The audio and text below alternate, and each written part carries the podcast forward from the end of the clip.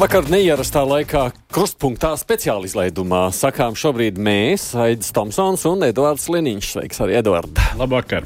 Kā jau dzirdat, tad neizziņotā vizītē Latvijā pēc uh, Lietuvas un Igaunijas apmeklējuma ieradies Ukrainas prezidents Volodimirs Zelenskis. Nu, kā saskaņā ar ieplānoto pēc kāda laika ir gaidām arī viņa preses konference. Mēs tad savus kolēģus no programmas Starbrīdis, kas parasti ir šajā laikā ētrā, esam aizsūtījuši garākā starbrīdī līdz rītvakaram. Tad šo, lai kopā tad šodien arī sagaidītu preses konferenci. Mēs arī ar kādiem pirms tam šeit, tagad, tuvākajās minūtēs sazvanīsimies. Par to gādās mūsu producenti Ieva Zeiza. Ir jau Edvards tā, ka Zelenskis ir kļuvis par tādu nu, pasaules mēroga līderi, kam pievērš lielāku uzmanību nekā citu valstu vadītājiem, vai ne?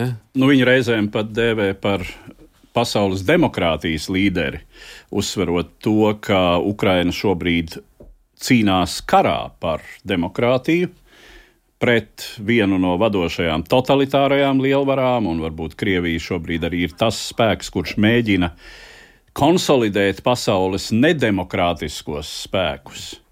Um, kā zināms, tie spēki, kuri tradicionāli tika dēvēti par uh, ļaunuma asi, tātad Irāna ar tās potenciālo kodola programmu un tās atbalstu teroristiskām kustībām tuvajos austrumos, par ko mēs daudz esam runājuši raidījumā divas puslodes, arī pēdējo trīs mēnešu laikā sevišķi daudz.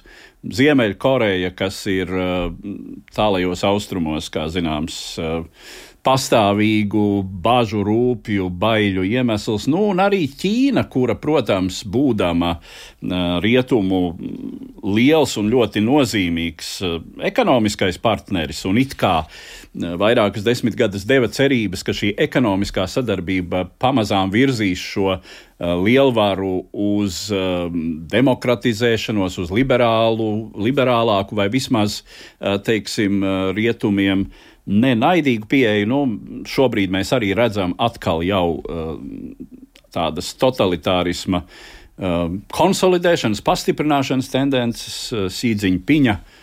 No vienas puses, arvien stingrākā iekšpolitika, represīvākā um, Hongkongas integrēšana totalitārajā sistēmā ātrāk nekā tas uh, varbūt bija solīts.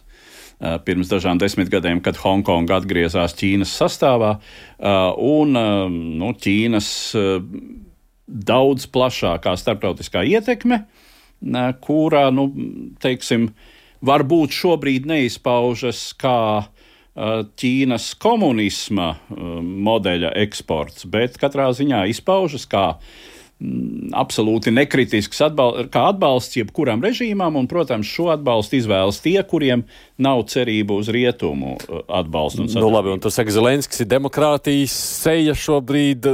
Amerika jau vienmēr bija demokrātijas lielā nesēja. Kāpēc Zelenskis?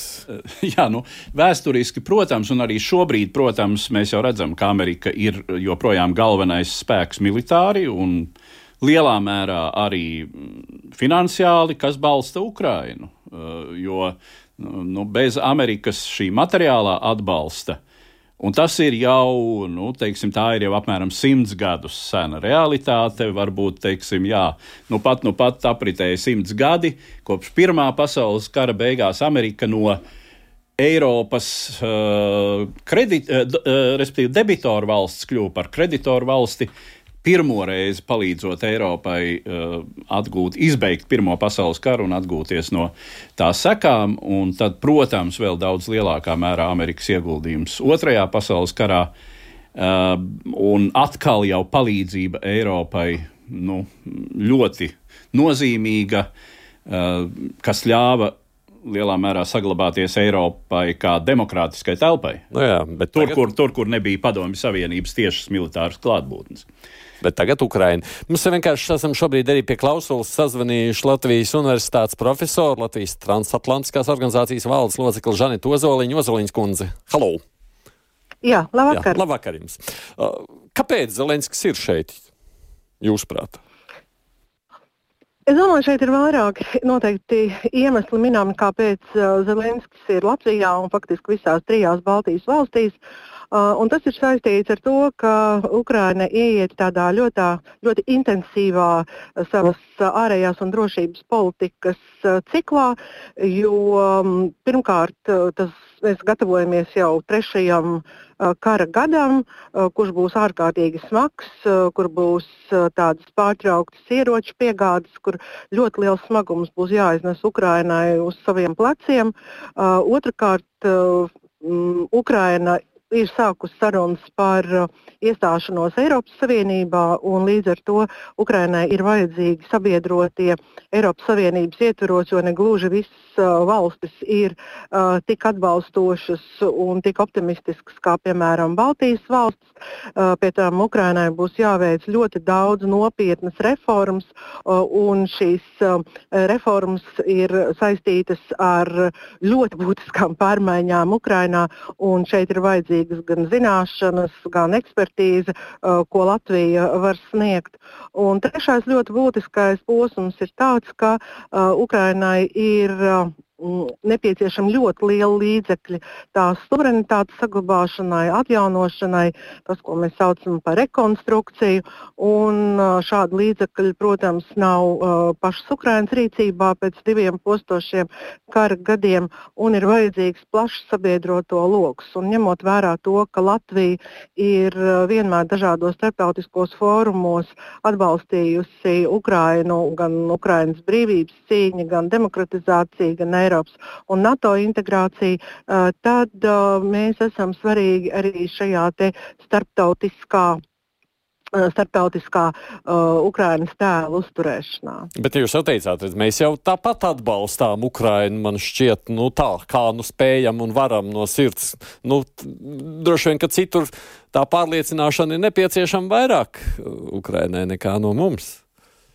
Jā, bet es domāju, ka tieši šajā kontekstā arī Zelenska kungs brauc uz trim Baltijas valstīm, uh, lai uh, ne tikai vienkārši pateiktu paldies, bet lai arī uh, kopīgiem spēkiem izstrādātu tos argumentus, to pārliecināšanas taktiku, kuru īstenot jau starptautiskajā mērogā. Nu, šobrīd notiek tāda saruna ar Inkeviču kungu. Nu, tā, tā, tās ir prezidenta tikšanās. Ko tad nu, tur nu, nu, ko mēs sagaidām no šīs sarunas? Kas tur būtu, kam jānāk ārā?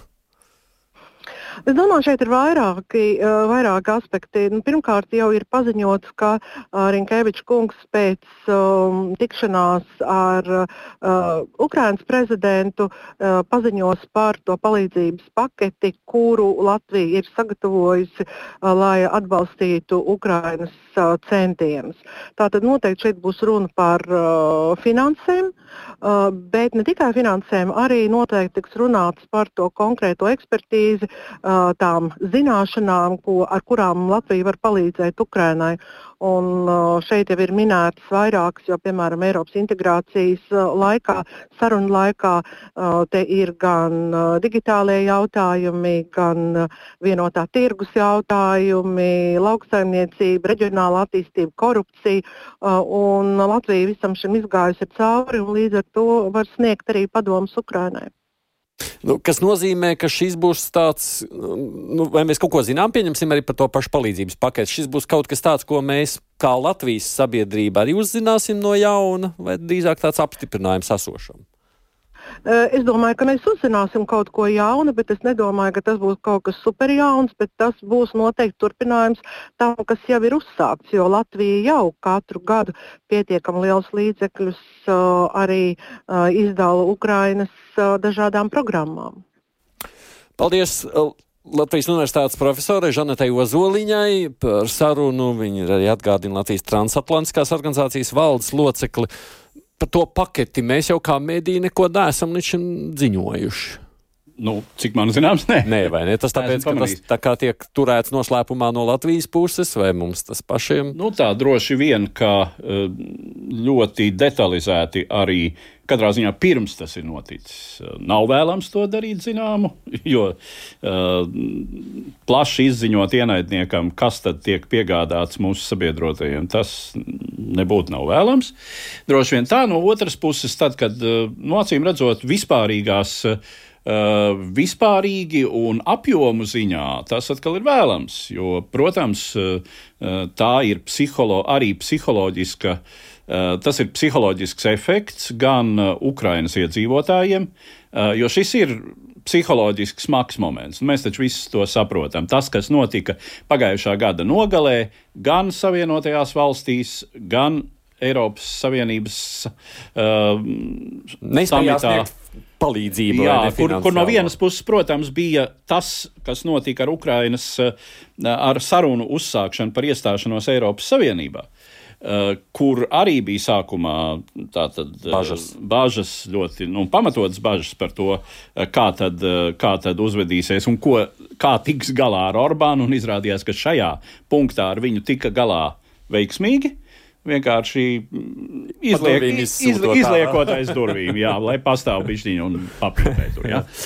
Tad pagaidām, nu, jāsaka gan tā, ka jaunākais, ko es nu pat arī pirms ētera lasot, tas bija konkrēti resursu politiko, Ungārija esot gatava zināmiem kompromisiem, arī palīdzības jautājumā. Nu, tātad spiediens uz Budapeštu tiek izdarīts, un, eh, kā saka, dieva dzirnas maļ. Un gan jau, ka arī šajā ziņā, nu, iespējams, piekāpjoties kaut kur arī Orbāna vēlmēm, eh, tad tomēr es domāju, ka arī tā palīdzība Ukrainai no Eiropas Savienības puses būs nepārprotami. Bet nu, šajā brīdī, Bet šajā brīdī protams, katra, jā, katra valsts, kas kaut ko dod, Ehm, kaut arī šis pienesums, nu, nu, mēs saprotam Latvijas iespējas, ja? Ehm, bet ehm, katra valsts, kas kaut ko dod, tas ir no svara. Un šie paziņojumi, protams, arī līdz ar to ir no svara. Ka... Mums būs tūlītās vēl viena sazvanīšanās, bet es tev gribu jautāt savukārt par pašu vizīti. Tātad neizziņot, mē, mēs to uzzinājām vakar, vai ne, ka tāda vizīte būs. Jā, kad, kad viņš jau bija Viļņā. Tajā pašā laikā, nu, šī pieminētā pakete vispārējais, tātad kādi jau gatavojās. Tev ir nojausmas, cik ilgāk kādi šeit Latvijā to zina, tikai, nu, mēs nezinām pārējā sabiedrība. Nu, nē, nu droši vien, ka, eh, ja tu man jautā par to, cik ilgi eh, visdrīzāk, tie ir Eh, ja tu domā tieši par, par nu, vizīti, par Zelenska vizīti šeit. Par Zelenska jā. vizīti, nē, nu es domāju, ka tās varētu būt uh, pat, uh, nu, varbūt ne dienas, bet varbūt dažas nedēļas, varbūt. Ja? Uh, es domāju, ka tas lēmums par to, ka Zelenskim vajadzētu atbraukt, nu, bet tās ir manas spekulācijas. Protams. Es, es neesmu, man nav nekādas insider informācijas no mūsu ārlietu dienestā. Es domāju, ka tas lēmums tika pieņemts arī Kijavā. Tas varētu būt, ka tika pieņemts pagājušā gada nogalē. Līdz ar visu to situāciju, kāda tā Ukrainai izveidojās. Mēs šobrīd esam arī sazvanījuši Tomu Rostaku, kurš ir Latvijas Nacionālās aizsardzības akadēmijas drošības un strateģiskās pētniecības centra direktors. Tom, halo! Jā, labdien! Sveicināti! Vai to es nezinu, cik tu zini, kā tas notiek šādās slepenākās vizītēs, cik iepriekš kaut kāds eh, to gatavo, un, nu, proti, tam jābū, jānotiek tā, ka nu, citi to nezina. Jā, nu, eh, šī, eh, šī patiešām ir um, pārsteiguma vizīte, kas ir tikusi sagatavota ļoti īsā laikā. Un, uh, līdz ar to, nu, protams, ka ielūgums Zeļenskim jau bija nu, jau sen izsūtīts. Jā, protams, ka mēs labprāt vēlējāmies viņu redzēt, ierodoties Baltijas valstīs, uh, bet uh, ir jāņem vērā, ka uh, Ukrainā notiek karš un agresors mums ir pēc būtības tepat pāri robežai. Līdz ar to ja drošības apsvērumi ir bijuši ļoti, ļoti svarīgi šīs vizītes sagatavošanā. Tāpēc arī Baltijas valstu politiķiem faktiski domā, nu, gatavojoties šai vizītei, ir bijis diezgan maz laika uh, nu, sagatavot arī kaut kādus nu, papildus, uh, nu, sagatavojot papildus atbalstu uh, Ukrainai. Bet, nu, uh, nu, kā mēs redzam, tad uh, Igaunijā un Lietuvā šāds te, uh, atbalsts, papildus atbalsts ir ticis uh, arī nu, apsolīts šīs vizītes kontekstā, un, un gan jau, ka Latvijā arī būs nu, gan jau, Latvijā arī ir līdzīgi. Jā. Ja drīkst paskatīties no tāda skatu punkta, tad Pirmais viņš ierodas Lietuvā, nu, Viļņā mēs to vispār uzzinājām tikai vakar. Tā tas arī bija, proti tas ātrāk nekur neparādījās, pat ne, ne, ne kaut cik ātrāk, ka viņš ieradīsies Viļņā. Nu, par to, ka viņš ieradīsies, par to, um, protams, ka bija cilvēki, kuri zināja uh, iepriekš, un šeit jau nav jautājums par to, vai es zināju vai nezināju. Nu, bet, uh, bet, bet, nu, protams, ka uh, ja, ja ir tikšanās ar augstākajām valsts amatpersonām trijās Baltijas valstīs, tad, uh, tad uh, tas, nu, tur, tur nepietiek ar vienas dienas vai divu dienu teikt, pabrīdinājumu. Bet, starp citu, šīs vizītes kontekstā mums ir jāņem arī vērā tas, nu, ka, piemēram, tad, kad Amerikas Savienoto Valstu prezidents tieks ar Baltijas valstu līderiem, tad bieži vien tas notiek nu, tā tādā trīs, nu, nu, četru pušu formātā, kur trīs Baltijas valstu līderi. Visi kopā sabrauc. Uh, nu, mm -hmm. Jā, visi kopā. Un šeit mums patiešām ir arī jānovērtē tas, ka, ka Zeļenskis vai arī tikai uz īsu brītiņu, bet viņš piestāja um, katrā no Baltijas valstīm. Tas nav tā, ka Baltijas valstu līderi tad uh, sabrauc vienu vietu un tad tiekās ar Zaļenski. Tā kā, nu, šis, uh, šis ir tāds, uh, diezgan būtisks uh, pretīmnākšanas solis no, um, no Ukrainas uh, vadības. Jā. Ja drīkst pajautāt to secību, man liekas interesanti pat par sevi. Sākumā Lietuva, pēc tam Igaunija un tad pēc tam atpakaļ uz pa vidu uz Latviju. Kāpēc šādi? Nu, to maršrutu man būs grūti uh, izskaidrot, bet, uh, bet, bet es domāju, nu, ka tur jau tad. Uh, Nu, skatoties uh, uz programmu, uh, kāda tā aptuveni uh, ir bijusi ieplānota trijās Baltijas valstīs, tad nu, Lietuvā ir bijusi šī lielā publiskā uzruna.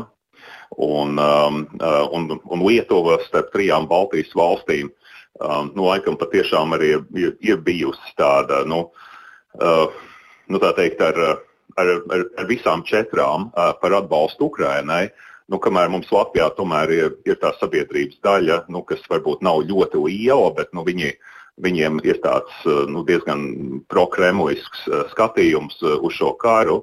Um, un, nu, tas, uh, tas arī varbūt rada kāds papildus drošības apsvērums, nu, kāpēc, piemēram, tā publiskā uzruna tautai uh, um, nenotiek uh, Rīgā, bet ka viņi notiek Viļņā. Bet nu, būtībā tādu publisko uzrunu var veidot tikai pirmajā Baltijas valstī, kur ir lielākais pārsteiguma moments, jā, jo pēc tam uh, tas ir kļūst arvien bīstamāk. Jā? Nu, es domāju, ka tas kļūst arī uh, drusciņ bīstamāk. Jā. Mēs redzējām, ko Igauni saka šorīt uh, par drošības aspektiem, sakot, nu, ka viņi tur iesaistījuši visu, visu ko, lai nodrošinātu prezidentam drošību, jo viņš tur arī panakti palika.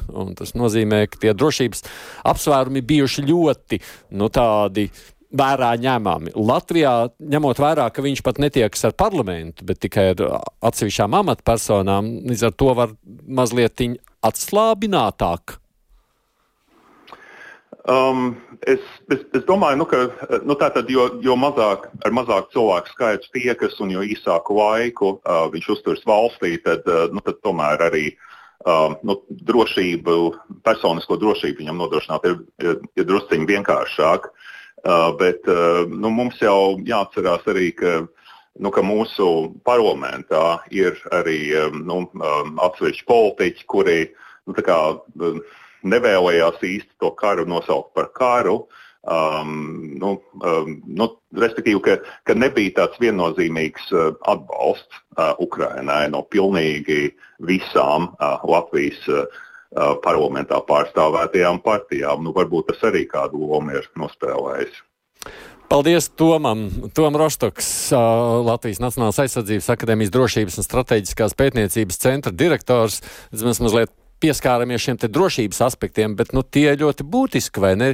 Es saprotu, ka, nu, ja nu kādam ir jāraizējas par savu drošību no valsts vadītājiem, tad Zelenskis ir pilnīgi noteikti. Jā, nu, pilnīgi noteikti, jā. Un es iedomājos tagad tā klausoties, uh, manuprāt, nu, es neesmu. Uh, labi zināmā Solovjova ne eh, aizrautīgs skatītājs, ne, ne vispār skatītājs. Nu, jāsaka, šobrīd, jā. Tikai kaut kādi eh, krikumi, kas eh, tīmeklī uzpeld, nonāk līdz manam redzeslokam, bet nu, tā, ar to ir pietiekami, lai to stilu es, saprastu. Es domāju, tagad iztēlojos, ka tur būs kādi tur būs kviecieni nu, es tagad uh, tulkošu uzreiz latviešu, kā es to iedomājos. Ak, ko mēs ar raķeti neiebliezām? Kas mums no Pskovas grūti bija? Viena raķete, klops un viss. Un abi visi šitie te Baltijas un, un, un tas mūsu naidnieks arī. Pierreiz, nu, sakot, domāju, domāju, ka būs, jā, cepieniņš, cepieniņš un, un uh, gaisa nomaitājiens tur tajā uh, attiecīgajā studijā, bet uh, Bet tieši tā, nu, eh, ar riskiem ir jārēķinās. Mēs šobrīd, nu, mums kā žurnālistiem, ir ļoti miglains priekšstats par Krievijas iespējām, teiksim, sarīkot kaut ko nopietnu Latvijā. Nu, piemēram, atentātu pret prezidentu Zelenski. Mm -hmm. uh, mums nav, un mūsu drošības struktūras arī neteiks, un pareizi darīs, ka neteiks, cik šīs iespējas ir reālas. Bet, uh, Redziet, kāpēc es pie tam varbūt, bet saprotu, kas Jā. ir. Uh, nevajag jau arī uh, ļoti kaut ko konkrēti organizēt. Tas, ka mums ir pietiekami attiecīgi noskaņotu cilvēku, kuri varētu aiz savas iniciatīvas. Jā, aiz, aiz sava noskaņojuma un iespējams pat aiz tīri psihiskiem motīviem, nu, kas viens otru neizslēdz. Ja, kaut ko mēģināt izdarīt. Nu, saproti, arī nu, pat, pat teiksim, kaut, kāda, kaut kāda pudele vai, vai jēla ola, kas lido uh, prezidenta virzienā uh, no pūļa, nu, nav nekas. Tāpēc es saprotu, teiksim, Rīgā uh, Rīgā um, un arī Tallinā, kā zināms, nebija nekādas publiskas uzstāšanās. Nē, es, pat, es, es biju pat drusku pārsteigts par to, ka Viļņā tāda bija. bija. Nu, redz, pirmā, pirmais pārsteigums tur varbūt arī neviens pat nepaspēja, kā saka, nu, saorganizēties. Jā, jā. Uz otro jau var paspēt saorganizēties. Tieši Tāpēc tā. man tas liekas, ka ja pirmajā viņš vēl tiekas ar tautu, tad otrajā ar saim, nu, tie, sakot, parlamenta deputātiem šeit tikai faktiski ar amatpersonām. Nu, tas lokus sašaurinās. Tāpēc man likās interesanti, un man liekas, tajā Toma sacītajā, ka, nu, lūk, tā vizītes interesantā secība. Lietuva vispirms, Igaunija pēc tam, un mēs, nu, jo viņi tādi neloģiski no lidošanas skatu nu, punktu. Jā, nu, ne? no tādas tīri geogrāfiskā kilometrāžas viedokļa uh, varbūt neloģiska, bet uh, es domāju, nu, tur, tur mm. savu, savu apsvērumu ir kāpēc, jā. Mums gaidot, protams, preses konferenci, kurai nu, pēc plāna bija jāsākas 25 minūtes pāri, bet kā jau mēs sapratām, ja, tā tad arī vizīte mazliet ievilkās, jau ieradās prezidents ar nokavēšanos šeit Latvijā, viss ievilkās mazliet vairāk Igaunijā, un tas jau laikam tādās vizītēs ir diezgan normāla un pierasta lieta. Gaidot, kamēr beigsies prezidentu saruna, un pēc tam būs kopējā preses konference, līdz ar to mēs nezinām, kurā mirklī tas sāksies. Mēs šeit pat tik līdz būs ētrā, tā mēs pieslēgsimies. To es saku mūsu klausītājiem. Abu prezidentu preses konferencē, kas notiks Rīgas pilī, daudz tur ir sapulcējušies un, protams, arī gaida. Bet mēs esam arī šobrīd sazinājuši politologu Andi Kudoru. Andi, halo, tev arī! Sveiks! Skatoties uz šo vizīti, vispār pirmkārt, ļoti vispārīgais jautājums pašam. Nu, kādas ir tās pirmās domas un tās sajūtas uzzinot šo ziņu? Es priecājos, ka tu par sajūtām tieši prasīji. Ja? Es domāju, atcerēsimies, ka ir atbraucis draugs. Un tie, kur saka, ka politikā nav draugu, tur var ticēt tikai uh, daļēji tam. Ir situācijas, kad, piemēram, lielās grūtībās mēs notestējam, kuri tad ir tie mūsu draugi. Es domāju, ka Latvija, līdzīgi kā Baltijas valsts kopumā un Polija un vēl citas valsts, ir ieguvuši pamatīgu draugu kā Ukraiņas tautu. Es domāju, šis netiks aizmirsts. Un, eh, kad es skatījos arī to ierašanos un pie, pilsu, pie prezidenta pilsētas uzņemšanu, nu, tur ir tāda pozitīva, eh, tāda silta emocionāla noskaņa. Ja, jo uh, Latvija bija tā, kas jau pirms iebrukuma tur bija jau sniegusi jau militāro palīdzību. Tātad ar, ar Latvijas prettanku, ar Latvijas dotajiem prettanku ieročiem Ukraiņi Kijevu aizstāvēja. Ja? Tātad mm -hmm. pirmajās dienās viņi karoja ar to, ko mēs arī bijām devuši. Un, uh, Es domāju, šo nevajadzētu pa zemu novērtēt. Mēs esam ieguvuši labu draugu. Jau tāpat bija labs attiecības. Mums jau nebija politiskā ziņā problēma ar Ukrajinu arī līdz tam, bet nu, tagad e, tā situācija ir mums par labu. Uh, protams, visi pārējie aspekti. Ukrāņi meklē, uh, tas ir tāds sezonas sākums, gads sākas. Viņi meklē uh, politisku, militāru, ekonomisku atbalstu. Ja? Tas, ko viņi jau ir iepriekš teikuši, ka viņiem vajag vismaz nu, vai aptuveni 34 miljardus ASV dolāru kā palīdzību no ārpuses, ja, lai viņi varētu maksāt algas ierēģiem, vispār lai valsts varētu funkcionēt. Jo karš ir nenormāli dārgs pasākums. Ja. Tur arī izskanēja mēdījos, ka Ukrāņi paši bija teikuši, ka viņiem 120 miljonu apmēram vienu dienu izmaksā kara diena. Un karot ir dārgi. Ja, ja tā ir autoritāra valsts kā Krievija, kur cilvēki klusē vai baidās kaut ko teikt, baidās no ieslodzījuma, Krievijas režīms spēja tā supermobilizēties. Ja, tas ir daļai arī Krievijas nācija vēsturiski saistīts, ka viņi spēja uh, mierīgi, diemžēl mierīgi uztvert to, ka daudz viņu pilsoņu iet bojā. Demokrātiskās valstīs tā nav parasta. Un šis ir tas, uh, nu, te ir arī tāda psiholoģiska, emocionālā puse, ir vēl viena tāds vērtību jautājums. Ir, ir labi būt vienotiem uh, cīņā par taisnību, par taisnīgumu. Un es domāju, tas, kas veido to tādu atbalstu Baltijas valstīs, nav jau bailes primāri šeit. Ne jau tāpēc, piemēram, Latvija palīdz Ukraiņai, tāpēc, ka baidītos, ka Krievija iebruks. Tas nenozīmē, ka nekad neiebruks. Jā, mums jābūt gataviem, bet ne jau šis mums ir prioritārais. Mums jau ir solidaritāte ar Ukraiņiem. Mēs saprotam, ko tas nozīmē censties tikt ārā no Maskavas dzelzceļiem apkampieniem. Jā. Mēs, mēs zinām to ceļu, Nu, Ukrāņi viņi tagad iet, ja, un, protams, ar lielākām asinīm nekā mēs savulaik. Mm -hmm. nu, redzi, Zelenskis ir arī zināms kā cilvēks, kurš, ja vajag, saka tā, kā ir. Viņš mēģina reizēm un, un saprot, tas viņa skarbums kādreiz kādas laikam pat ir atbaidījis vai tiešums. Ja runājam par mūsu atbalstu, nu labi, mēs paši sev ļoti labprāt arī uzslavējam, un, kā jau tu teici, ir par ko. Bet tajā pašā laikā nu, ir jau arī lietas, kurās mēs paši sevi diezgan kritizējam. Kaut arī pēdējās dienās sociālos tīklos daudz par graudu, tranzītu un nu, importu eksportu, tā īsāk jāsaka. Um, nu, ir tā, ka arī šīs lietas var parādīties, nu, vismaz, nezinu, pēc tam teikt sarunās prezidenta pilī.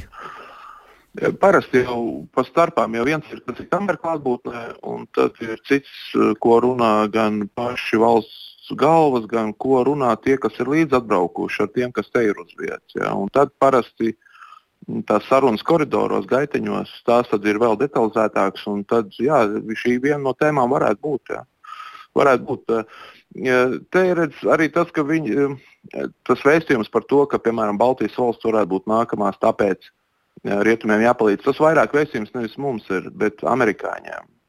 Un tas ir ko, kas, pašlaik tātad sāks uzņemt apgriezienus priekšvēlēšana kampaņā ASV.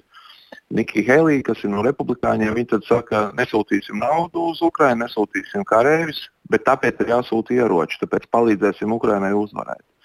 Un tad arī tas vēstījums, ko arī jau Baidens gan ir runājis, gan tur vēl citi amerikāņi, ka Baltijas valsts varētu būt nākamās. Tas pirmkārt ir vēstījums ASV vēlētājiem ar domu, lai nebūtu kara, kurā ASV iesaistās ar karavīriem, kareiviem, tad, nu, tad ir jāpalīdz ar bruņojumu Ukrainai. Un šis ir, šis ir labs atrasts narratīvs. Man, man, viņ, man viņš tīk tajā nozīmē, ka viņi ir pārspēlējuši tos ja, narratīvus Amerikā, kas bija pirms tam, ka nevajag tur palīdzēt koruptīvai Ukrainai, cīnās divas slāvu valsts koruptīvas, ko amerikāņiem tur darīt. Ja. Šis ir pagājis nost tādā ziņā Baltija arī ir šis nu, uh, vēstījuma elements. Mēs esam centrā, amerikāņi zina, ka uh, ne tikai tāda elite, bet arī caur šo karu daudz ir uzzinājuši, ka Baltijas valsts ir NATO. Un tāpēc ir vērts skatīties, kas, kas šeit notiek. Tas, ka Latvijai ir jā, par graudu, par šīm lietām, protams, tie vektori jau ir ar pretējiem virzieniem.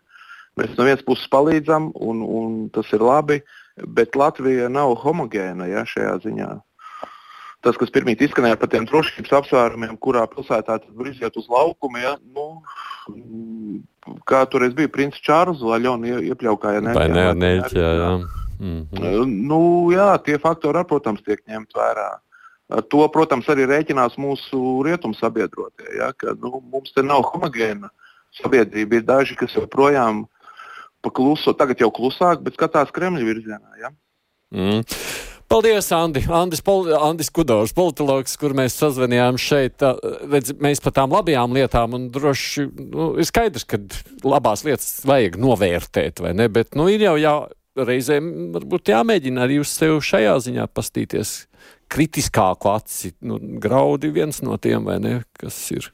Jā, nu ne tikai graudi, nu laiku pa laikam kaut kas, nu teiksim tā, iet jau mazumā, bet uh, tas, ka mm, šķiet, ka kara sākumā izrādījās, ka kaut kas arī militārajā ražošanā lietojams, vismaz pirms kara sākuma, ir ražots Latvijā un tad eksportēts uz Krieviju. Kurā brīdī un kā tas tiek pārtraukts, nu, tas ir jautājums. Um, un, uh, ja mēs atceramies to uh, visu diskusiju par šo graudu transportēšanu cauri Latvijai, Eh, tad tur gan arī viens, nu, to katrā ziņā es atceros, eh, kas notiek Latvijā, diskusija. Tas gala secinājums, ka tur būtu jābūt Eiropas Savienības kopīgai nostājai, un tad būtu daudz vienkāršāk. Un šeit, protams, mēs jau, mēs jau saprotam, ka, ja ir runa par graudiem, tad tur jau ieslēdzas uh, visi šie argumenti par badā mirstošajām uh, trešās pasaules valstīm, nu, kas, protams, arī lielā mērā ir taisnība. Jā, nu, ir šī, uh, šī pārtikas problēma, lēta, sevišķi lētas pārtikas mm, pieejama. Pieejamības problēma. Krievi ir izraisījusi, vai ne? Jā, nu, tā tad, tā tad attiecīgi.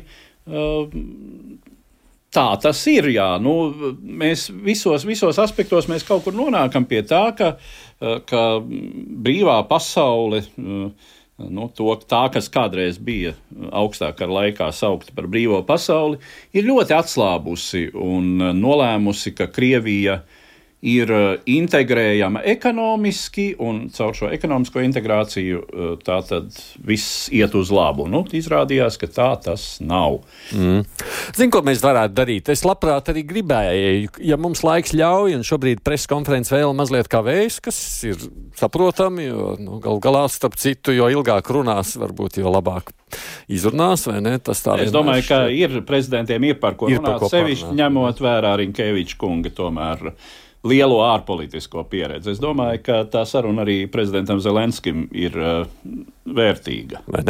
Es gribētu, ka ļaudis mums uh, izmanto iespēju un piezvana, ko jūs domājat par šī prezidenta uh, Zelenska tādu negaidītu vizīti Baltijas valstīs un par to, ko mēs arī tagad runājām, gaidot tādu preses konferenci 6722 888 un otrs numurs 6722 559. Tie ir mūsu teitra tā tāluņa numuri vienmēr un visur. Mēs viņus tādā ziņā nemainām, tāpat kā tie bijuši uh, gan kruspunktā parastā laikā, gan tagad. Izsakieties, es arī palūkošos, kas man nāk no rakstītā.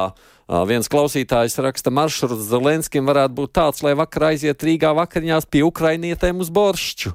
Viņš jau varbūt gribētu, vai ne? Jā, un droši vien, ka uh, Ukrainietis arī būtu, būtu priecīgs, sajūsmināts. Jā, jā. jā. Uh, vai ne? Šeit bet... Rīgā pabarot, bet, nu. Drošības vai, aspekti ir, vai ne? Vai, Svarīgi. Vai, nu, tas tā būs, būs drusku šaubos. Jā. Nu, paceļ klausuli, halo! Jā, labs vakar. Labs vakar. Ko jūs sakāt par šo vizīti? Nu, uh, Līniņa kungs pieminēja to ķēmu, kas tur šādi bļaustās no austrumu kaimiņu pa televīziju. Jā. jā aizliegtiem kanāliem. Bet es uh, vairāk gribētu uh, pievērst uzmanību Latvijā esošajiem tāda veida ķēmiem. Mm -hmm. Tiem nu gan būs baigais sašutums, es domāju, bet uh, Zaļenska vizīte kā tāda tiešām vērtē ļoti pozitīvi. Un, mm. un varētu teikt, ka arī negaidīt. Negaidīt. Negaidīt gan. Bet uh, pozitīvi, un, un kā arī jūs eksperts, godāts aizmirst uzvārdu, uh, minēja, es domāju, ka mēs tiešām, mēs kā Baltijas valsts, tiešām esam ieguvuši ļoti labu draugu Ukraiņas veidolā. Un, un, un, un, un es domāju, ka nākotnē mums tā palīdzība, ko mēs sniedzam Ukraiņai, visu veidu, gan militārā, gan, gan finansiālā, gan, gan, gan humānā, ka tas viss mums atgriezīsies tikai ar labu. Reizēm mēs esam tādi, kuriem ir kādreiz šķiet, nu, ko tam mēs mums pašiem vajag, bet, nu, redz, šī tā lieta, kur mēs runājot par palīdzību, ļoti nozīmīga ir, protams, arī iespējams pat Latvijas gadījumā proporcionāli vissvarīgākā ir diplomātiskā palīdzība. Diplomātiskais atbalsts gan Eiropas Savienības ietvaros, gan plašāk starptautiski. Tas šajā reizē kara laikā ir ļoti būtiski, tīpaši šajā brīdī. Vēl kāds zvans, halo! Labvakar! Labvakar! Uh, pakomentēt par kravām. Nu, mūsu valdība vienkārši e, neuzņemās atbildību, nu atkal nogaidoša tāda pozīcija. Nav tik aktīva kā lietuvieši vai igauni. Jo, ja mēs pa, pavērosim uz uh, robežas, kur iet konteineri, kādi tur, kādi tur dokumenti. Dokumentos nav salasāmi paraksti, uh, piegādes vieta.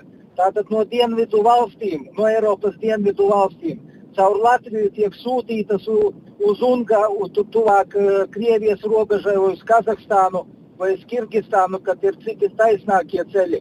Un tad tur nevar salasīt ne īpašnieku, ne firmas nosaukumu, tipiska vil, dokumentu viltošana. Un, un ar tādiem dokumentiem pievērot acis tiek sūtītas, sūtīti konteineri tātad eh, pāri mūsu robežai, tiek laisti cauri. Tā kā ļoti žēl, ka mūsu mm -hmm. valdība ir tāda nu, ar nogaidošu un, un ka tikai kaut ko ne tā izdara, lai tikai kaut kas ne tā kā vajag sanākt. Nu, nav mm -hmm. viņam mīkstiem mūsu, mūsu valsts vīri.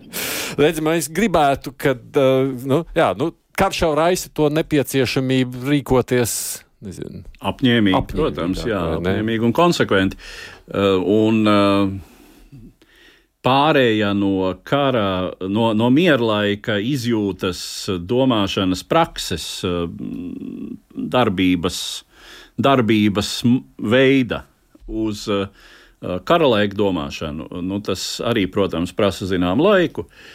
Un no vienas puses, nu, karš mūs ir ļoti aktivizējis daudzos virzienos, pat varbūt brīžiem pārspīlēti, nu, teiksim, tādā. Mm, Nu, mēs zinām visu šo. Uh, visu šo izjūtu par to, kas vispār, uh, cik pieņemams Latvijā ir, ir kaut kas krievisks, piemēram, arī tādā uh, kultūras ziņā. Bet uh, uh, tas, kas publiski nav, nu, tur es domāju, jā, tur, tur, ir, tur ir jāstrādā un jāstrādā pie tā. Un, uh, nu, grūti komentēt. Mēs, jā. jau, mēs ar tevi neesam pētījuši šo jautājumu. Gunārs raksta mums šādi, ka Ukrainā katru dienu iet bojā nevainīgi cilvēki. Jūs tur pārējie filozofē, kāpēc Zelenskis vispirms brauc uz Lietuvu, tad Igauniju, tikai tad uz Latviju, cik neloģiski, vai tad viņš nobrauks kādu lieku kilometru. Vai mums ir jāspriež, ko viņš dara katrā no Baltijas valstīm? Cilvēki, viņš ir pie mums dzīves un vesels, pilns apņēmības uzvarēt. Mums tikai jārunā par to, kā pierunāt Eiropu un pasauli palīdzēt Ukrainai. Halo! Jā, labdien! Labdien! Jā, es gribēju teikt, ka īstenībā ir ļoti labi, ka Zelenskis ir atbraucis pie mums uz Latviju. Jo, principā, es domāju, ka ir jāparāda un jāatgādina vēlreiz vieta tiem, kas šauj to salūtu 11. vakarā, ja, kā mēs visi zinām. Mm -hmm. Jo tad, kad sākās karš, tas mazliet pieklusa. Un visi tie aktīvisti iesprau, nu, iespieda asti, tā teikt, pakaļā, ja tā var teikt, bet tagad viņi lien atpakaļ ārā. Un es domāju, ir īstais laiks, un uh, te arī varbūt valsts politika ir diezgan svarīga, kas notiek valstī kā tādā. Nu, tomēr piegriezt skrūvis un beidzot parādīt, uh, nu, kur ir viņa vieta. Viņš tomēr šeit ir ciemiņi, valoda nemāca, kā mēs zinām, integrācija nav notikusi, gatavi skriet, nu, redzēs, kur viņi skries 9. maijā, ja kā tas notiksies. Es domāju, ļoti labi, tas ir īsts laiks, un arī mums tomēr ir jāstiprina tas atbalsts, kas, nu, garš, mm -hmm. karš, protams, nogurdina. Uh, Bet uh, es domāju, īstajā laikā, īstajā vietā, un mums vēl garš ceļš ejams, kamēr viss šis te, uh, pasākums Ukrainā beigsies. beigsies Labi, paldies jums par viedokli. Nu, redz, tā tas ir, ka tas arī mūsu pašs šajā brīdī varbūt pašiem arī nāk par labu, ne tikai viņiem. Es redzu, ka acīm redzot, saruna šobrīd ar, ap, starp abiem prezidentiem jau ir beigusies, jo lēnā garā pārējie delegācijas locekļi vai vismaz kādi no tās puses jau šobrīd ienāk telpā, kur gaidām preses konferences, kas nozīmē, ka mums ir kuru katru brīdi arī parādīsies uh, preses konferences telpā abi prezidenti. Tāpēc es klausulu vairs necelšu to. Es saku klausītājiem, lai saprastu, kāpēc šobrīd es telefonu zvans vairs neuzklausīšu.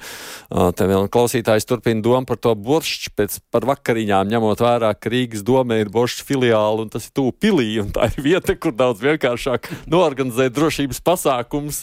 Minu, bet ceru, ka tas varētu būt reāli, jo pašiem Ukraiņiem satikt Zelenski būtu neizsakām īpaši. Un, protams, ka viņiem viņiem tas būtu nu, neizskatās. Ne? To ja mēs arī dzirdējām šajās sarunās kā tādiem. Bet runājot, lūk, kamēr, kamēr es vēl neredzu prezidentus ienākam iekšā zālē, À, tomēr nāk iekšā tā kā es tev vairs neko nejautāšu, tad mēs pieslēdzamies Rīgas pilī abu prezidentu preskonferenci. Šodien vizītē Latvijā un Rīgas pilī pirmo reizi kopš Krievijas pilnapmēra iebrukuma Ukrainā sākuma ieradies Ukrainas prezidents Volodimirs Zelenskis. Tikā kā noslēgušās delegācijas sarunas aicināšu prezidentus pastāstīt. Rinkēvičs kungs, lūdzu. Labvakar, godātie mediju pārstāvji. Tikko noslēdzās mūsu sarunas ar Ukraiņas prezidentu Vladimiru Zelenski. Mēs apspriedām daudz jautājumus, bet pirmkārt es gribētu teikt to, ka man ir tiešām jāsaka, ka ir pagodinājums sveikt prezidentu šeit Rīgas pilī. Viņa pirmajā vizītē kopš Krievijas pilna apjoma iebrukuma Ukrainā. Prezidents jau šeit viesojās 2019. gada oktobrī, un mums bija maz lietu, ko arī atcerēties. Vispirms es gribētu teikt tā, ka mēs šo vizīti redzam kā vēl vienu iespēju no Latvijas puses apliecināt ilgtermiņa atbalstu Ukrainai, tās integrācijai Eiropas Savienībā un tās Eiroatlantiskajai integrācijai. Es gribu teikt, ka manuprāt, ir pienācis laiks mainīt arī zināmu uzsvaru. Mēs līdz šim daudz esam runājuši, ka mēs visi atbalstam Ukraiņu un atbalstīsim to tik ilgi, cik tas ir nepieciešams, bet patiesībā sakot, tam galvenajam mērķim, tam galvenajam politiskajam signālam ir jābūt, ka mēs atbalstam un atbalstīsim Ukraiņu līdz tās pilnai uzvarai pār Krievijas imperialismu. Es arī gribētu teikt to, ka mēs Un ne tikai Latvijas valdība, bet arī Latvijas sabiedrība, Latvijas iedzīvotāji ir snieguši un turpina sniegt atbalstu Ukrainai.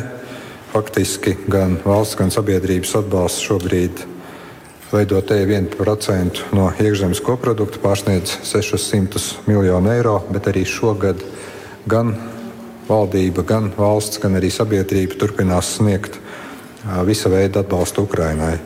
Un es šodien informēju Ukraiņas prezidentu par nākamo palīdzības pakotni, kas eh, sevī ietver haubicas, 155 mm artērijas munīciju, pretanku ieročus, pretgaisa aizsardzības raķetes, mīnmetējus un munīciju, visurgājējus, triecienu šauteņus un rokas granātas, helikopterus, dronus, sakarierīces, ģenerators un individuālo ziemas ekipējumu.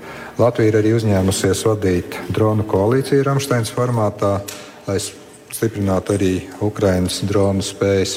Man ir arī gandarījums, ka šodien eh, ministra prezidents un Ukraiņas prezidenta klātbūtnē tiks parakstīti divi dokumenti - saprašanās memorands par sadarbības veicināšanu militārā nozarē, kopīgu aizsardzības un drošības industrijas projektu īstenošanai. Faktiski mums ir kapacitāte Latvijā ražot dronus arī Ukrainā ražo. Mēs šeit redzam pietiekami labu iespēju patiesībā sakot, ražot lētus, efektīvus dronus, kas ir šobrīd nepieciešami Ukraiņas uh, karavīriem, Ukraiņas militāriem spēkiem, lai gūtu panākumus.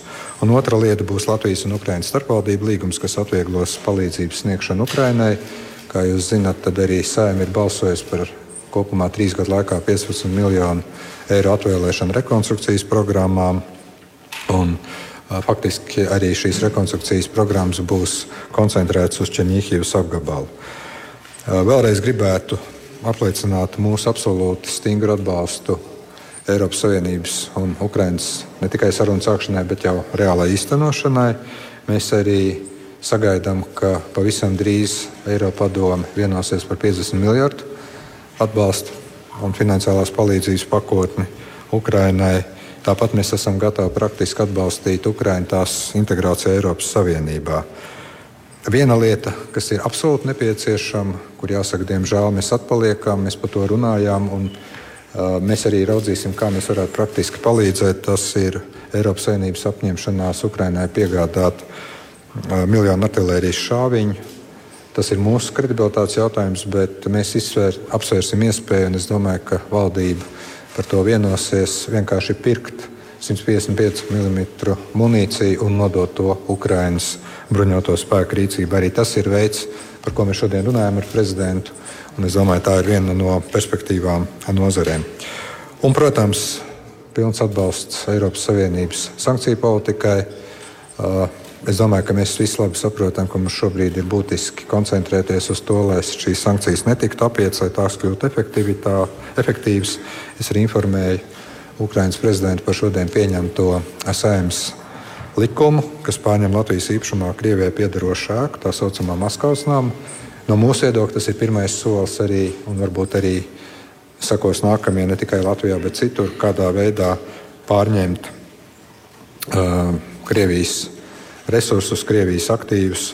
Un, kā jūs zināt, arī valdība drīzumā lems, ko ar šo tālāk darīt. Un es domāju, ka pārdodot vai kādā veidā citādi izmantojot šo namu, tas arī atbalstīs Ukrainu. Un visbeidzot, es gribētu teikt, ka ir divas lietas, kurās mēs pilnīgi noteikti turpināsim stingri sadarboties. Tas ir Startautiskais tribunāls par atbildību par agresijas noziegumu un nolaupītu Ukraiņu bērnu atpakaļ atgriešanu. Visbeidzot, mūsu atbalsts Ukraiņas dalībai NATO ir absolūti skaidrs un stingrs. Tās ir vienīgās reālās drošības garantijas, un mēs turpināsim arī tālāk strādāt pie tā, lai Ukraiņa pēc iespējas ātrāk saņemtu ne tikai kaut kādus solījumus, bet arī jau konkrētus uh, apliecinājumus tam, ka tā pievienosies Ziemeļatlantijas līguma organizācijai. Līdz ar to vēlreiz prezidenta kungs, Lārgais Valdemir, laipni lūgts Rīgā. Un tiešām paldies par šo vizīti, kas ir svarīga arī visai Latvijas sabiedrībai. Paldies, Zelens kungs, lūdzu. Дуже дякую, пане президенте. Lielas paldies prezidentā kungs mums visiem un arī Ukrainas sabiedrība. Tas ir ļoti svarīgi atrasties šodien šeit un godēties prezidenta kungs, cienījamas dāmas, žurnālisti, mēdīju pārstāvi. Visu pirms mūsu pateicībā Latvijai, visu Ukraiņu un kas sargā, aizsargā mūsu valsti, kas strādā tā labāk un kā arī tie Latvijā to valstu vidu, kas atbalsta Ukrainu kopš pilna mērogā kara sākuma. Prezidenta kungs, esmu pateicīgs par jūsu personīgiem centieniem šajā laikā. Esmu pateicīgs jūsu komandai, arī visai politikas līmenim un sabiedrību. Mēs ļoti augsti novērtējam, ka jūsu principiāla nostāja vienmēr ir kopā ar Ukrainu un gan Eiropas Savienības līmenī, gan arī NATO, gan arī citās starptautiskās organizācijas. Mēs esam pateicīgi par jaunu aizsardzības paketi, par kuru mēs detalizēti pārunājām mūsu tikšanās laikā. Tas ļoti palīdzēs Ukrainai, un tas ir skaidra saprašana, ka mūsu Ukrainas karavīru spēks, mūsu pozīciju spēks, mūsu Ukrainas nākotnē, kas garantē neatkarību ne tikai Ukrainai, bet arī vairākām Eiropas valstī un valstīm un arī jums. Tāpēc ir tik ļoti svarīgi arī mums, gan Latvijai, gan arī visiem mūsu partneriem partneriem, kā mēs arī turpmāk strādātu maksimāli efektīvi un saliedēti, un arī, lai tas ir ļoti, um, lai uzvarētu, lai uzvarētu Krieviju. Šodien mēs esam apsprieduši uh, to svarīgāko, kas mums ir jāizdara šogad, un es arī informēju par situāciju kara frontē, par mūsu pamata aizsardzības vajadzību, par mūsu plāniem un arī par to, un arī de, par detaļām, kuras mēs redzam arī par Krievijas okupantiem, aizsardzības mūsu aizsardzības jomu pārstāvjiem veido jaunas vienošanas par mūsu stingrumu. Mēs esam Eiropā no rietumiem līdz austrumiem, no dienvidiem līdz ziemeļiem mums ir produktīvāk, ir jāstrādā tieši aizsardzības joma, mūsu valsts aizsardzības joma. Eiropa ir jāiemācas, ir jābūt pašpietiekamai savā aizsardzībā. Un, lai Krievija, kādā veidā Krievija mūs neapdraudētu, ko viņa nebūtu padarījuši par savu mērķu, Eiropa ir jāmāk atbildēt. Tā ir tiesības aizsargāties. Ukrainā šogad pieliks visus iespējamos centienus kopā ar visiem partneriem, lai izveidotu jauno Eiropas arsenālu un arī sadarbības ražošanas līmenī, kas ar laiku nodrošinās arī ar pašu faktu, ar savu pastāvēšanas faktu, savu darbības faktu un ar saviem rezultātiem, lai nepieļautu Krievijas agresiju pret Eiropu Krievija ņem vērā tikai uz spēku, un mums visiem Eiropā ir, mums ir nepieciešams tāds spēks. Un, protams, ka mums arī turpmāks ir jāsadarbojas sankciju politika pret Krievijas federāciju un arī pret tām personām, kas tai palīdz. Un mums arī turpmāk ir nepieciešams kopīgi bloķēt visas schēmas, kas mēģina apiet šīs sankcijas un jārunā ar visiem pasaulē, kas ļauj izmantot savu teritoriju tieši tā un izmantot savu jurisdikciju jurisdikciju un arī izmantot teroristiskajā valstī un arī tās kampaņā. Mums arī turpmāk nepieciešams saglabāt konsolidētu pozīciju Eiropā par atteikšanos no Krievijas energo resursiem. Esmu pateicīgs Latvijai atbalstot šīs pozīcijas un arī par to, ka jūs esat apstiprinājuši likumu, kuru jau iepriekš pieminēja prezidenta kungs, kas, kas saglabās to godīgu pozīciju attiecībā uz Krievijas valdību. Esmu pateicīgs par šo precedentu. Krievijas aktīviem ir jābūt izmantotie, lai aizsargoties no Krievijas agresijas. Atsevišķi es gribētu pateikties arī par to, kā Latvijā un jūs personīgi, prezidenta kungs, atbalstat mūsu Ukrainas integrāciju Eiropas Savienībā. Mēs augsti novērtējam lēmumu par pārunu sākšanu, kas bija apstiprināts iepriekšējā gadā beigās. Tas bija vēsturiski lēmums, vēsturiski svarīgs katrai nācijai šeit Eiropas austrumos. Eiropas Savienība apliecina, ka vairāk nebūs vairs, un tieši tādu lēmumu mēs sagaidām arī no NATO. Acīm redzami, kā visiem Eiropā ir redzams, ka tiešām ir spēks, Eiropas atlantiskais spēks varētu būt panākt tikai kopā ar Ukrainu tieši pateicoties tai eh, neredzētai pieredzi, kas ir mūsu aizstāvjiem, mūsu Ukrainas tautai, visu mūsu karavīru, visas tautas, visu cilvēki, kas aptūr agresiju, Krievijas agresiju. Un šī agresija nav tikai pret mums, un katrs Eiropa šo saprota, bet vai tām ir jāsaprot. Tāpēc mēs ar Ukrainu ļoti reķinamies ar jūsu atbalstu mūsu attiecībās ar aliansi un arī uz jūsu principiālu nostāju, veidojot dialogu ar visiem partneriem par Ukrainas nākotni NATO. Un, protams, ka tas ir neapšaubams.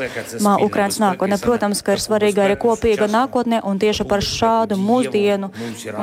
Be, drošību, kuru mums visiem kopā ir jābūvē. Paldies jums, paldies Latvijai un slava Ukrainai! Paldies! Turpināsim ar mēdīju jautājumiem. Kā pirmajai dod vārdu Inês Radiņai, Latvijas valsts televīzija. Lūdzu, pie mikrofona.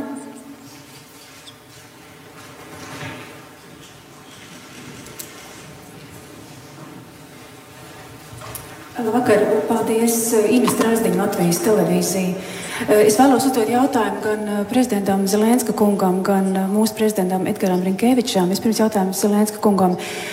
Jūs nesen izteicāties, ka izturēt šo gadu nozīmē izturēt visu karu. Un es vēlos jautāt, kas tieši ir šā gada atslēgas punkti? Jūs jau, protams, minējāt daudzas, bet kas ir nepieciešams gan no Ukrainas, gan no pārējās pasaules, politiski, militāri, ekonomiski un arī emocionāli, lai Ukraina ne tikai izturētu, bet arī uzvarētu? Un uh, prezidentam Rinkēvičam. Uh, Ko šodien stāvot blakus Ukraiņas prezidentam, jūs varat sacīt Eiropas līderiem un arī mums pašiem, kāpēc Eiropā kavējas ar izšķirīgu rīcību atbalstot Ukrainu, tostarp arī pilnībā sarājot ekonomiskās saites ar Krieviju. Paldies! Ďakujem!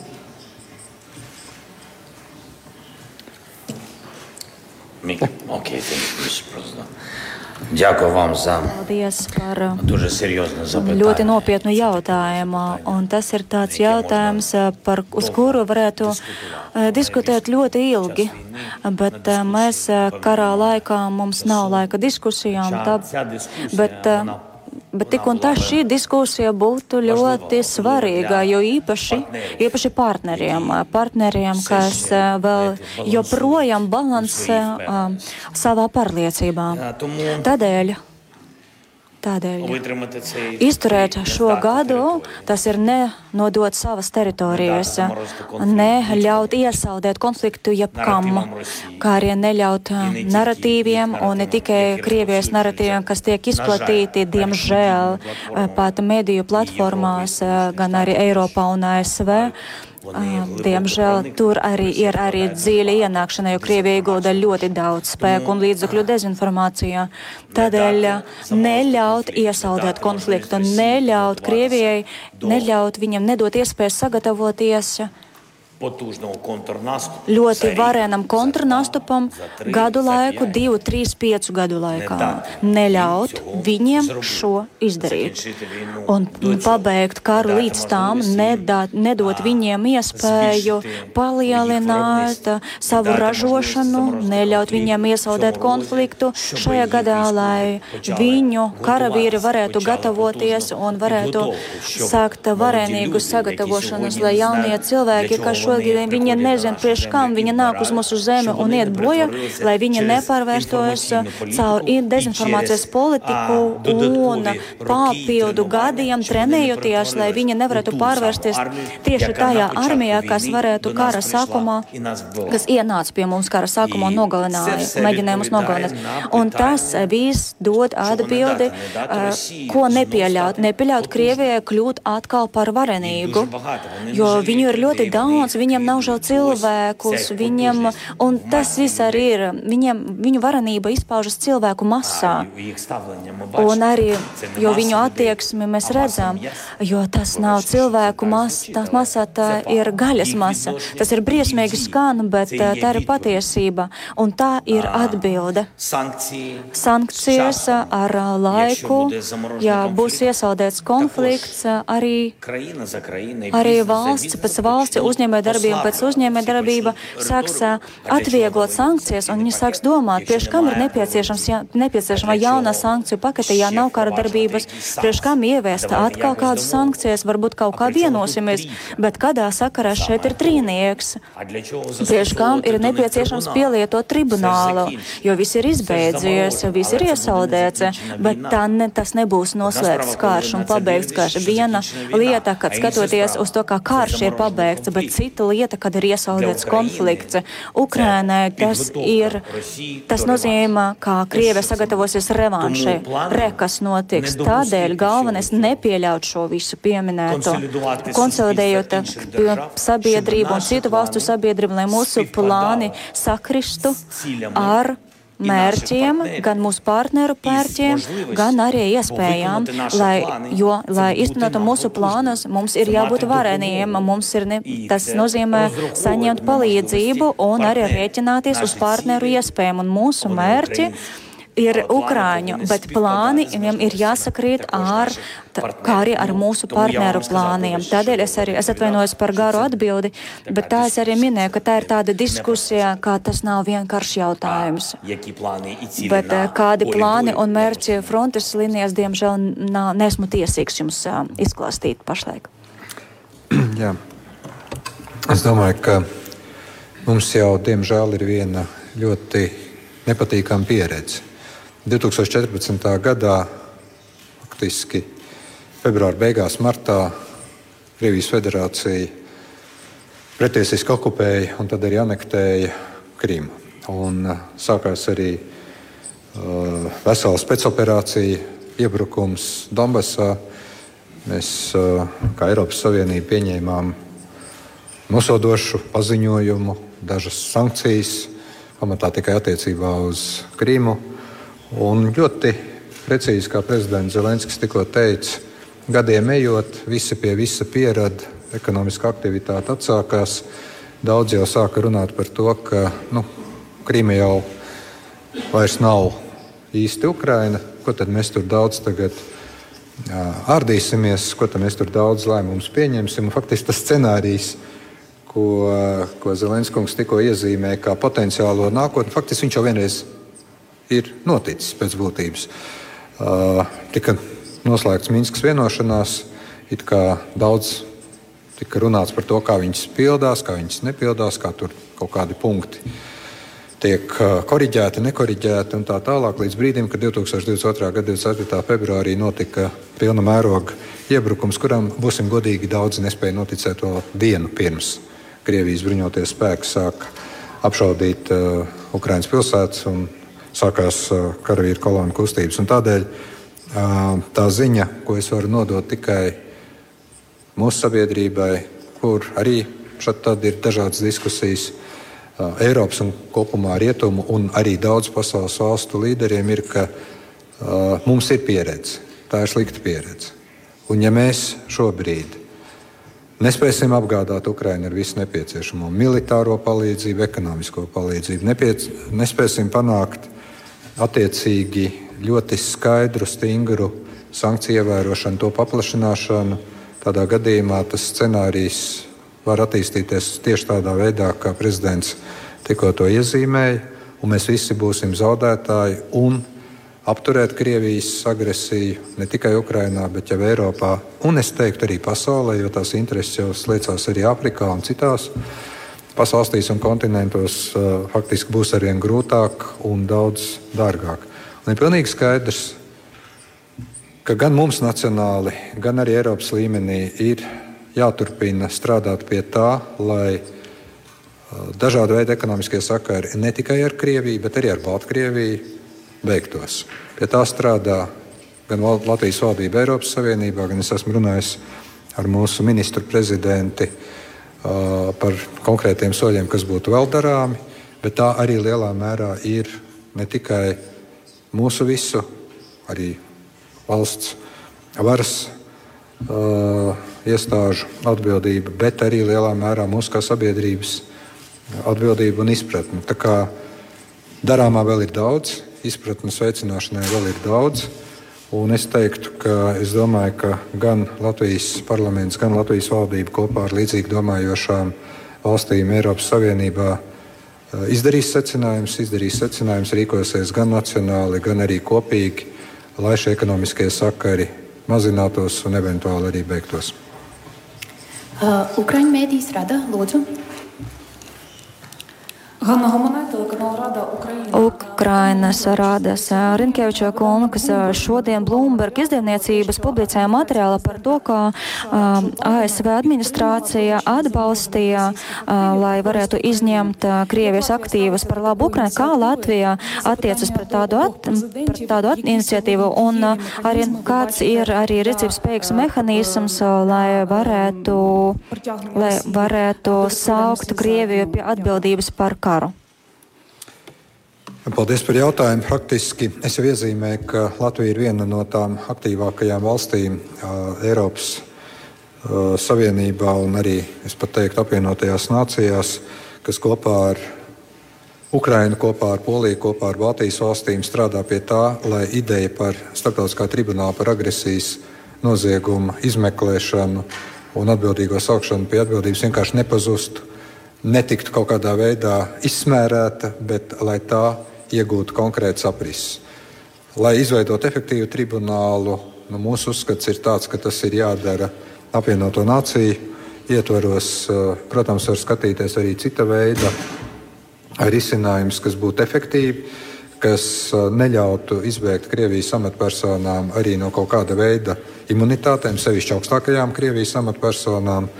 Un, uh, pie tā mēs turpināsim darboties, bet jāsaka, ka nu, pārliecināt veselu rindu valstu nemaz nav tas vienkāršākais uh, darbs. Un, uh, kas attiecās uz aktīvu pārņemšanu, uh, es jau minēju šodien pieņemto saimnes likumu, kas, manuprāt, ir diezgan labs solis par Maskavas tā saucamā Maskavas nama atsavināšanu, jeb pārņemšanu Latvijas valsts īpašumā un valdība tagad līdz marta beigām lems, kādā veidā ar šo namu tālāk rīkoties vai pārdot un kaut kādus finanšu līdzekļus, kas tur parādīsies, attiecīgi ieskaitīt atbalstam Ukrainai vai kaut kā citādi rīkoties. Bet katrā gadījumā šis ir pirmais solis, kas ir spērts. Tā pašā laikā, ja mēs runājam par Krievijas aktīvu pārņemšanu, Krievijas aktīvu, kas ir sankcionēta pārņemšanu, tad šeit notiek diezgan plašs jau darbs un labu laiku, bet diemžēl viņš pagaidām nav vainagojies ar panākumiem Eiropas Savienības ietvaros. Mēs uzskatām, ka ir jābūt Eiropas Savienības kopējam lēmumam, jo tie ir Eiropas Savienības sankcionētie aktīvi, kas ļautu šos līdzekļus nodot Ukrainai rekonstrukcijas vai dažāda citāda veida atbalsta pasākumiem. Katrā gadījumā Mēs arī reģionāli strādājam kopā ar mūsu kolēģiem Igaunijā, Lietuvā, meklējot arī iespējamos risinājumus. Bet nu, šeit um, Šeit es redzu, ka visās valstīs ir diezgan daudz juridiskas lietas. Mērķis ir absolūti skaidrs šiem aktīviem ar to institūciju lēmumu, kas ir lēmušas par sankciju piemērošanu, jānonāk mūsu un tālāk jau jāno, jātiek nodotiem Ukraiņas rīcībā.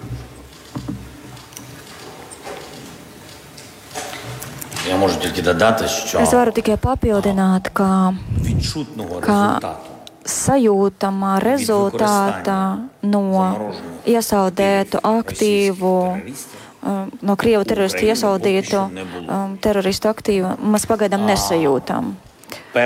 Un pirmais tāds jūtams solis, kuru es redzēju, jo kopīga summa ir diezgan nopietna, ir 1,100 miljārds bija no Beļģijas jo viņi ir atraduši ceļu, kā varētu sniegt mums iespēju izmantot nodokļu, nodokli no šiem aktīviem iesaudētiem.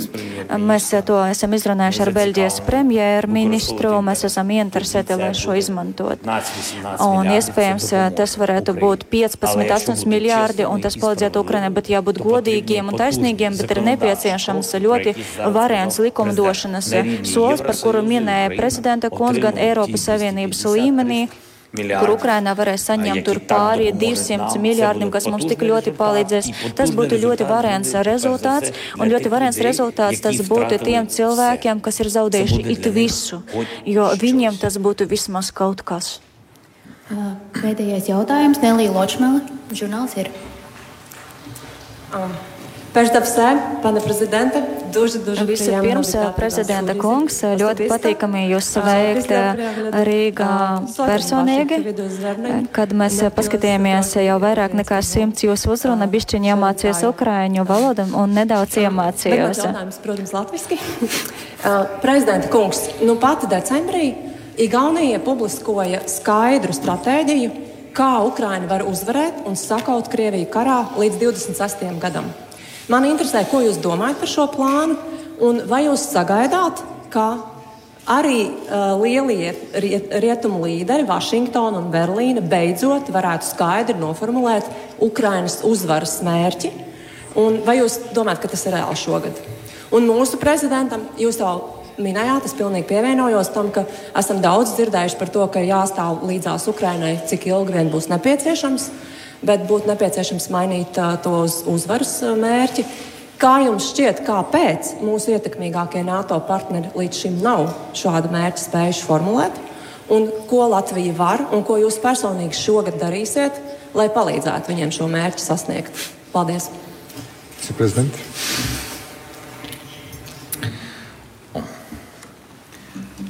Частина пропозиції Um, teiksim tā, viena daļa no mūsu igauņu draugu piedāvājuma mēs piekrītam, tas mums tiešām varētu palīdzēt. Mūsu IKP uh, procents vai aizsardzības budžeta mums varētu palīdzēt. Vairākas valstis ir dažādas IKP, bet uh, ir kāda pastāvīga, tāda pastāvīgas punkts, uz kurām balstās Ukrainas atbalsts, un tas mums ļoti palīdz. Tas nevis tikai tāpēc, ka tas ir ļoti tāds um, drošs un um, lēmums, bet tas palīdz mums koncentrēties uz rezultātu, nevis domāt par uh, to, kuru mums dabūt naudu, lai izmaksātu pensijas, jo tas viss ir cilvēki. Cilvēki aizsargā tos, kas ir, um, kas ir civilizētāji. Tur ir bērni, tur ir pensionāri, mums viņus ir jāaizsargā. Un, lai šī aizsardzība, un šī aizsardzība ir konkrēta cena. Tādēļ, tādēļ būsim pragmatiski dažos virzienos. Arī tādi pasākumi no igauņu kolēģiem arī ir ļoti efektīvi, ja viņus atbalstīs partneri, jo iniciatīva vienmēr ir spējīga un um, ļoti labi, ka tā beidzās arī ar rezultātu. Jo ir, lai ir ceļš no idejas līdz rezultātam, un pa ceļam ir šis ceļš, kas ir ar izaicinājumiem un nav vienkāršs. Tas ir attiecībā, un no tā tieši ir atkarīgs, atkarīga atbilda uz jūsu jautājumā otro mm, daļu, vai kāds varētu izbeigtos šogad vai nē. Tas tiešām ir atkarīgs no ļoti dažādām lietām, un lai, lai mūsu Ukrainas stingrība nenogurstu un morāli nenogurstu. Mums ir jāatbalsta, un tas ir ļoti svarīgi, un to ir jāatbalsta ne tikai ar ieročiem, ne tikai ar finansēm, un arī ir jāatbalsta politiski. Un ja mēs cīnāmies par politiskiem lēmumiem, piemēram, par dialogu atklāšanu, par e, iestāšanos Eiropas Savienību vai kandidēšanu NATO, un godīgi šis, šie vēsturiskie, protams, tas bija vēsturisks lēmums un rezultāts, bet, nu, jā, godīgi sakot, um, Mums nebija jādod tik daudz spēka un enerģijas. Mums būtu nepieciešams fokusēties izslēdzoši tikai mūsu fronte, jo šis ir visas Eiropas Savienības fronte. Mēs aizsargājam visus. Bet kā lai nebūtu, mēs esam pateicīgi par vienu palīdzību un par politisku, un dažreiz mēs neņēmām vērā uz detaļām kāds no līderiem Eiropas Savienībā, daži no tiem. Mūsu kolēģi teica, ka, nu, kāpēc, nu, viss ir ok, bet ne tagad būs pārunas, bet pēc gadā vai pēc diviem gadiem, un mana atbilde bija ļoti vienkārša, kā uh, redz, bet arī karša, arī cilvēku morāla tā ir izbeigsies. Vēl gads, vēl divi, vēl trīs, un jūs tur, jūs tur pastāvēsiet, jūs tur cīnāties, mēs pēc tam jūs palīdzēsim, pēc tam atbalstīsim. Nē, mēs vai nu esam viena ģimene Eiropas saimē, vai ziniet, vai nu mēs vai, vai, tikai, vai tikai publiski mēs esam viena ģimene. Un tādēļ, tādēļ šī kara beigās un mūsu teritorija atjaunošanās, taisnīgais miers, viss ir atkarīgs no mūsu visu vienotības. Jā. Paldies par jautājumu. Redziet, es domāju, ka mēs šajā karā esam izgājuši vairākas fāzes. Paši atceramies 2022. gada februāris, marts, milzīgā neticība, ka Ukraina vispār spēs noturēties. Vienkārši neticība. Atcerieties, ļoti gudrs eksperts, tāpēc es vairs īpaši daudziem ekspertiem tā līdz galam neusticos, jo ne visu var noteikt tikai racionāli, pragmatiski, aizmirstot arī daudz citas lietas. Teica, trīs dienas, maksimums trīs nedēļas.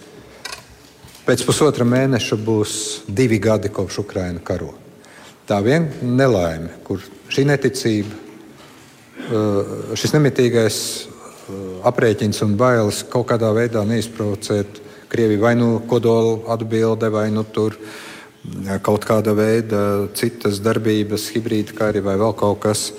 Tas viss patiesībā sakot, diemžēl liecina, ka mēs līdz galam nebijām spējīgi noformulēt to strateģisko mērķi. Sākumā tas bija palīdzēt Ukraiņai noturēties kaut kādā teritorijā, tad tagad mums visiem ir pilnīgi skaidrs, ka mēs gūsim izšķirošus panākumus tikai tad, kad mēs visi sapratīsim vienu. Ukraiņai ir jāuzvar, un ar Ukraiņas uzvaru mums ir prezidents Zelenska miera formula. Patiesībā sakot, tur viss ir pateikts. Pilna Ukraiņas uh, teritoriālā nedalāmība, pilna Ukraiņas kontrole pār visām tās teritorijām.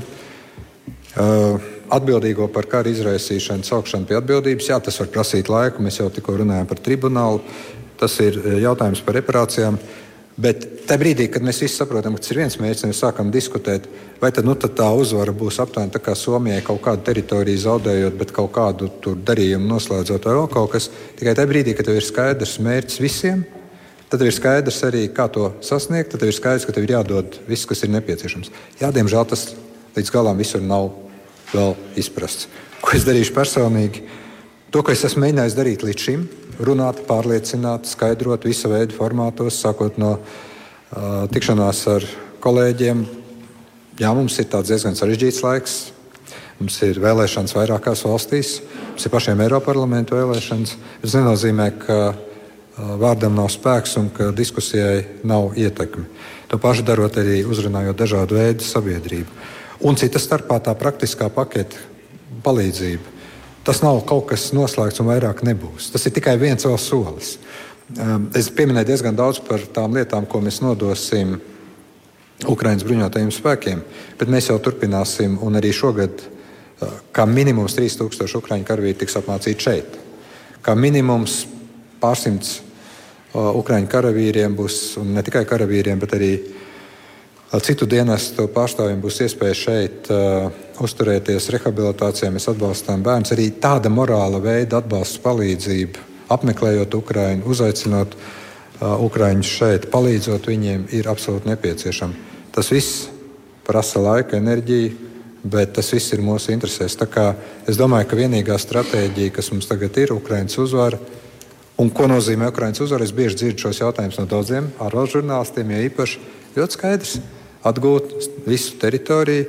Ja man ir grūti iedomāties kādu Amerikā vai Eiropā antihitleriskajā koalīcijā 1942. vai 3. gadā diskutējot, kas tad būtu pilna uzvara par hitlerisko Vāciju, vai mēs tur atgūsim vienu vai trīs valstis, vai vienu tur kaut kādu pilsētu vai piecas. Nē, tikai tad, kad ienaidnieks ir pilnībā sakauts, kad teritorija ir atbrīvota, kad Ukraiņu kontrole ir izveidot. Man ir jāsaka jums visiem liels paldies, bet uh, prezidenta kungu gaida vēl arī sējumā. Un, pie ministra prezidents, un vēl ir pasākumi, bet tiešām liels paldies jums par interesi. Jā, paldies, ar to arī preskonferences noslēgsim. Nu, to arī noslēdz preses konference Rīgas pilī, kur bija tātad abiem diviem valsts prezidentiem, gan Ukrainas, gan Latvijas prezidentam. Atgādina, tātad Ukrainas prezidents Vladimirs Zelenskis ir ieradies arī vizītē šeit Latvijā, ierodoties no Igaunijas galvaspilsētas. Šobrīd viņš dodas, saprot, tikties ar saimnes priekšsēdētāju, pēc tam ar valdības vadītāju. Nu, kā sacīja arī uh, valsts prezidents, vēl kaut kas, bet, nu, tiks, protams, pilnīgi viss detaļas laikam mēs arī nezinām lietām, kas tikai saprotam tajā visā. Studijā joprojām esmu mēs Aits Tomsons, Edvards Liniņš. Mums vēl ir dažas minūtes tā kopsavilkuma saliekot visu tajā kopā. Um, vienā, teik, ne, vienā minūtē drīzāk, ko tu sadzirdēji, kādi ir tavi secinājumi pēc preses konferences? Ka principiāli kara mērķi, uzstādījumi, kas ir definēti līdz šim, tie nemainās. Mēs paliekam uh, uzticīgi nu, faktiski tas, ko prezidents Rinkevičs teica savā pēdējā atbildē. Tikai pilnīga Ukrainas teritoriālā integritāte plus vainīgo kara, kara izraisīšanā un konkrēto kara noziegumu, kara noziegumos vainīgo saukšanu pie atbildības, plus kompensācija Ukrainai par nodarīto postu. Uh, tas ir, tas ir tas, ko mēs varam uzskatīt par pieņemamu šī kara rezultātu. Kamēr tāda nav, mēs nemorāli, ne es domāju, arī politiski un arī militāri strateģiski nevaram uzskatīt, ka šis karš ir beidzies mums ar pieņemamu rezultātu. Mm. Mēs esam sazvanījuši šobrīd arī Rīgas Tradiņu universitātes lektoru, arī Latvijas ārpolitikas institūta pētniece Elīna Vrabļevska, Vrabļevskas kundze. Halo, labvakar! Labvakar! Dzirdējāt arī, es ceru, preses konferenci. Kādi ir jūsu secinājumi pēc šī vakara dzirdētā? Uh, jā, dzirdēju preses konferenci. Um, um, patiesībā ļoti, man likās ļoti tādi stingri un spēcīgi paziņojumi. Varbūt nekas ārkārtīgi jauns un oriģināls, bet tajā pašā laikā spēcīgi paziņojumi no abiem prezidentiem, gan no prezidenta Zelenska, gan no mūsu prezidenta Rinkēviča. Uh, Protams, tas, ko jūs tikko runājāt par šiem kara mērķiem un šī faktiski pēdējā atbilde uz uh, žurnālistu jautājumu par mērķu vienotību, patiesībā cik tas ir nepieciešams, lai nebūtu šīs diskusijas, kurā brīdī mēs nomēram uzvaru. Vai tas ir tad, kad atgūst 5 km teritorijas, vai tad, kad atgūst 30 nu, ka ir jābūt vienotībai attiecībā uz to, kas priekš visiem pārējiem ir uzvara. Nevis tikai priekš Ukrainas, bet priekš nu, šīs plašākās rietumu koalīcijas. Tas, ko es sadzirdēju no Zelenska kunga, ir ļoti bija pietiekoši liels uzsvars uz īstermiņa mērķiem, kas ir šogad. Tā galvenā bažas, cik noprotu, ir par to, ka Krievija mēģinās panākt konflikta iesaldēšanu. Uh, lai pārgrupētos un pēc vidēja termiņa, 3 līdz 5 gadiem, kā viņš jau minēja, atkal uzbruktu un izprovocētu ar jaunu spāru. Tas, laikam, būtu visu interesēs, to nepieļaut. Līdz ar to nu, tā, militāri vāja Krievija ir tas, ko, cenšā, ko centīsies panākt, manuprāt, šogad. Uh, un es jūtu un dzirdu, ka joprojām nedz Ukraina, nu, nedz arī sabiedrotie, kā mēs, nav gatavi īstenot kādiem kompromisa risinājumiem, ja Krievija pat tādus vēlētos panākt. Tā viena lieta, ko jūs pieminējāt, Zelenskungs sacītajā par šo konfliktu iesaldēšanu, tā otra sāpe, ko neapšaubām es saklausīju tajā brīdī, kad viņš teica savu uzrunu pēc Rinkēviča kunga, bija nu, tā sankciju apiešana. Nu, tas bija Jā. tāds, tāds, nu, tāds varbūt mazliet diplomātiski, bet tāds, nu, tāds sajūta, ka pārmetums Eiropai. Jā, es... uh, Ko ar šo Jā, darīt? Jo mēs, mēs jau arī tā kā Latvija tur varam, nevaram kaut ko. Mēs te pieminām, mūsu jau arī pie robežas, kur mēs redzam, mēs esam aktīvi palīdzēt Jā. Krieviem reizēm tikt pie precēm. Jā. Jā, tas ir, tas ir, protams, tāds kutelīgs šobrīd jautājums. It īpaši mums noteikti ņemot vērā, ka mēs dzīvojam tomēr mūsu iekšpolitiskajā diskursā un pēdējo nedēļu, ja es nemaldos, ir jau šī diskusija par Krievijas graudiem. Uh, bet, protams, tā arī ir tāda sadzīviskāka diskusija par to, ka nu, mēs tāpat bieži publiskajā telpā redzam, ka tajā pašā Twitterī par to, ka nu, no Krievijas, Krievijā ražota tēja joprojām ir pieejama un tādi ir kā sīkumi, bet viņi rada to kopējo kaut kādu ainu un fonu. Jā, Zelenska kunga šajā te, uh, nu, piezīmē bija jaušama tāds, uh, tāds zināms rūkums par uh, sankciju funkcionalitāti. Te, es sadzirdēju viņu šo uzsvaru par to, ka nu, draugi tomēr mēģināsim, mēģināsim panākt to, ka caur mūsu valsts jurisdikciju netiek izmantota, lai apietu šīs sankcijas. Bet par sankciju šo efektivitāti ir ļoti daudz runāts un skaidrs, ka ir ārkārtīgi grūti, ja ne neiespējami viņus panākt. It īpaši, ja ne jau tikai rietumu valstis, bet pasaule kopumā nav vienota pret šīm sankcijām. Un, principā, izravēt tās nezāles vai tos punktus, kurā brīdī, nu, kas ir tas vājais posms, kurā brīdī, piemēram, kaut kāda prece uh, caur citiem Krievijas sadarbības partneriem nonāk pie mums, ir ārkārtīgi izaicinoši. No otras puses, mēs sankciju režīmā dzīvojam jau pietiekoši ilgu laiku, lai pie labas gribēšanas mēs spētu to izdarīt. Mm. Paldies, Elīna. Elīna Vrabļevska ir uh, Rīgas Traņu universitātes lektora un Latvijas ārpolitikas institūta pētniece. Savukārt man ir vēl pāris minūtes pabeidzot sarunu ar Eduārdu.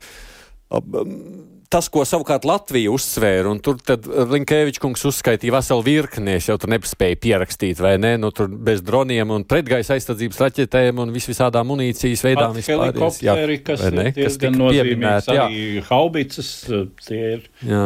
nopietni ieroči. Vienīgais, ko es, nu, viņš nepateica, cik liela tā palīdzības pakāpe nākotne ir, kā viņš nosauc. To mm, droši vien, kad parādīsies kaut kur. Jā, nu, droši vien. Jā. Mēs esam tiešām spējīgi, jo beig beigās viņi pieminēti artilērijas šāviņi, kur tik ļoti Ukrainai ir. Artilērijas šāviņi, kas jā. ir lielākās sāpes.